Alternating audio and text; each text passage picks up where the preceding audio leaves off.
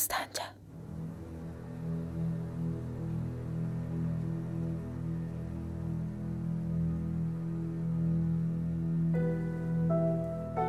Allah kəssin bu nəfəsi. Deyib gülümsədi. Onun sözünə Nərgizin ürəyi sıxıldı. İndiyəcən belə şirin söhbət, xoş güləş bir insanla qarşılaşmamışdı. Deyəsən 1-2 saat deyil, bəlkə illər olardı Nilfəri tanıyırmış. Nərgizə görə nəfəs kəsilmək iki başlı bir yol kimidir. Bu yolun bir başı qətiyyən ölümə xətm olur, amma o biri başından saysız hesabsız kəsmə yollar tapıb həyatı başa vermək olarmış. Düşüncənin yayılmaq yolu kəsiləndə samizdat kitabları gizlicə əldən ələ keçir. Musiqinin yayın yolu kəsildikdə yeraltı kasetlər buraxılır. Azadlıq yolu kəsilcək, diaspora kəsmə yolların biri sayılır. Amma yalnız bir kəsilmə var ki, insana həyat verər. Göbək bağı kəsildikdə nəfəs gəlir. Nəfəs çığırtı ilə, ağlamaqla gəlir. Kim bilir, bəlkə körpənin ciyərlərinə hava dolanda sancıyla dolur. Bəlkə bir ömürlük yaşamın bütün çətinliklərini elə yolun başlanıcığında bağırır. Nilfər gülə-gülə artırır. İnanma ha, doğrudan demirəm. Bu yarımçılıq nəfəsin özü də qənimətdir. Espereyi çıxardıb ağzına fısıldadır. Espereyi kifinə qaytarıb yenə siqar qutusunu çıxardır, Nərgizə buyur demədən alışdırır. Öskürür. Nərgiz az qalır desin, Axı spreylə siqar tutmaz ki. amma deyir, Siqar da spreyin batilləməsi idi da. Nilfərin yenə dodağı qaçır. Dodaqlarının rəngi bənövşə rənginə çalır.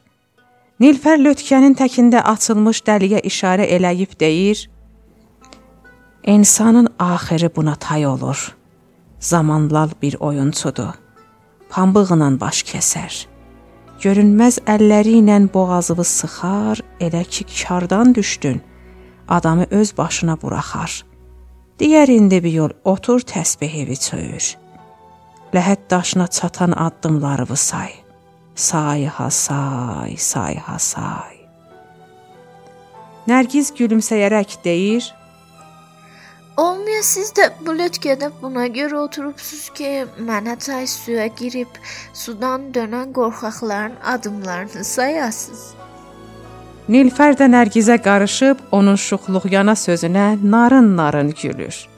Gülüşü də sir-sifəti kimi ürəyə yatımdı. Dastanca.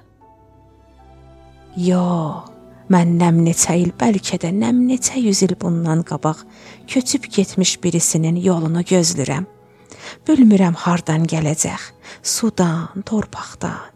Ancaq mənə yazmışdı miadgahımız bu dibi düşmüş lötkədir. Mən addımları təsbihə salmıram qızım. Miadgaha yetişmişəm. İndi dəqiqələri təsbihə salıram. Nilfərin sözləri Nərgizin ürəyini sıxıntıya salsa da, beyninə taqqa vurur. Zaman. Əgər dəlik deşiyin əyri üyrün az olsa, biraz da rəng rufun olsa, biri tapılar adamı gözü tutsun, əlini baş gözüvə çəksin, tumarlasın.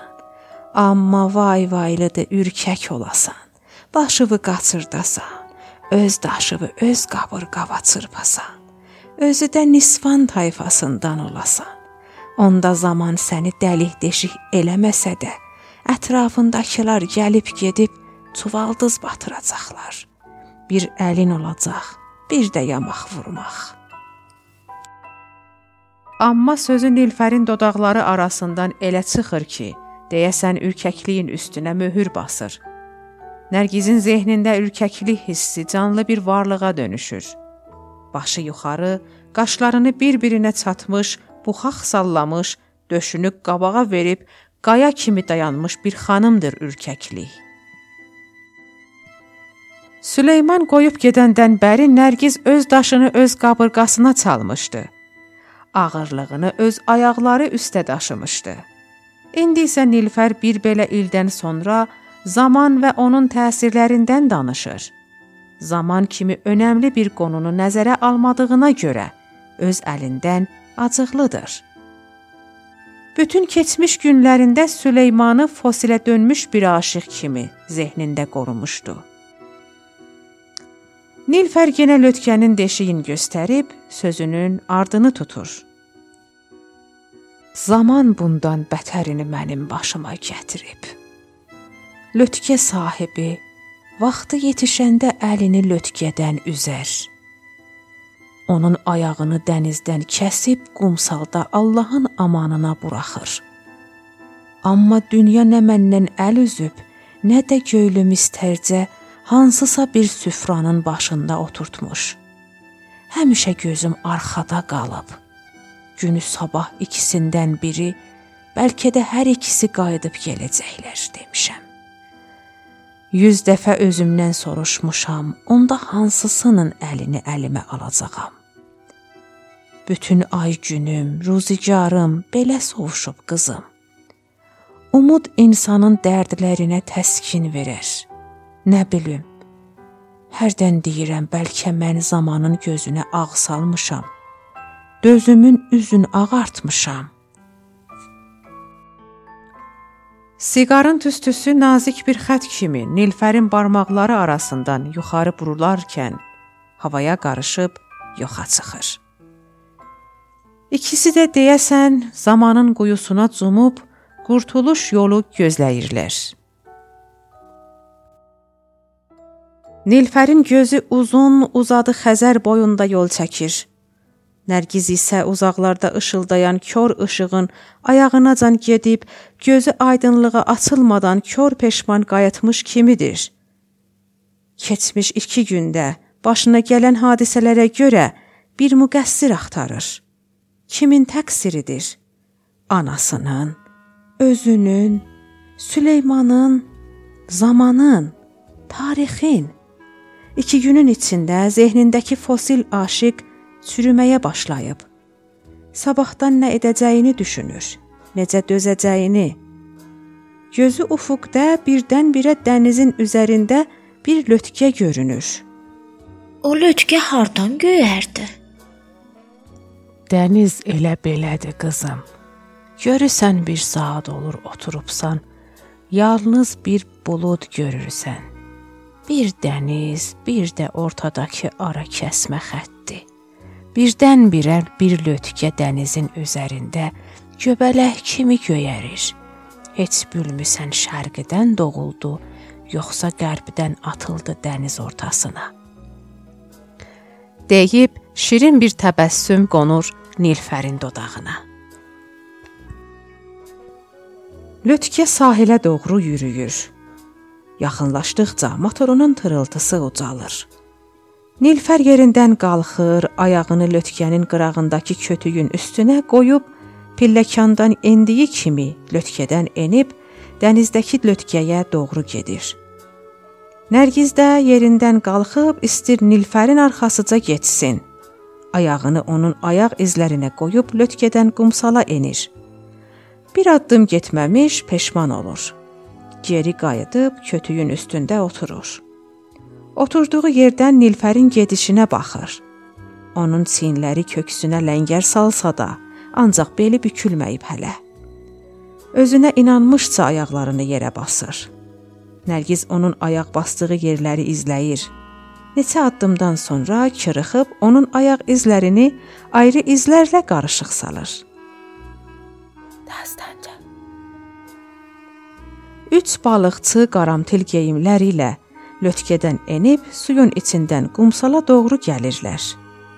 Nərgiz balıqçılara baxa-baxa gözünün bucağından sahildə bir traktoru dənizə yaxınlaşmaqda görür. Öz-özünə deyir: Burada hər şey göbələk kimi birdən-birə göyərir. Traktor isə dənizə yetişcək üzünü Nərgizə sarı çevirib arxasındakı dəmir treylini dalı-dalı dənizin içinə sürür. Balıqçılardan ikisi lötkəyə düyünlənmiş kəndirdən yapışıb lötkəni traktorun treylisinə doğru çəkirlər. Üçüncü balıqçı suyun içində dayanıb lötkəni arxadan itələyir. Nərgiz isə indiyəcən heç belə bir səhnə görməyib. O yalnız filmlərdə görmüşdü ki, lötkələri bir ağaca ya başqa bir ləngərə bağlayıb onları suyun qırağına buraxarmışlar. Nilfər balıqçıların birisi ilə danışarkən Nərgizə sarı gəlir. 5-10 addım Nərgizə qalmış balıqçı Nilfərdən ayrılıb geri dönür. O isə gedə-gedə bir də dönüb Nərgizin sahildə buraxdığı çəmədanına, çəmədanının üstündəki çantasına baxır. Nərgiz balıqçını gözü ilə dolandırır. Balıqçı traktorun arxasındakı lötkənin içinə hoppanır. Traktor yüklədiyi lütgə ilə sahildən uzaqlaşır. Nilfər dibi düşmüş lötkəyə söykənib traktor gözdən itincə ona baxır. Nərgiz kötüyün üstündən qalxıb lötkənin içinə keçmək istədikdə Nilfər əlini Nərgizə sarı uzaldıb ona yardım edir. Nərgiz lötkənin içində əyləşir. Heç bir xəbər tuta bilməyiblər. Nilfər deyir. Nəfəsi xıs-xıs xısıldayır. Yenə də espereyi çıxardıb fısıldadır. Döhdür deyib gündə 3 dəfə, amma mən öz xanımlığımla çəkdiyim siqar sayısı məsnui nəfəsi ötürürəm ciyərlərimə. Nilfərin dodaqları bənövşə rəngindən qaramtilə dönüb. Deyəsən dodaqları get-gedə oksidə olur.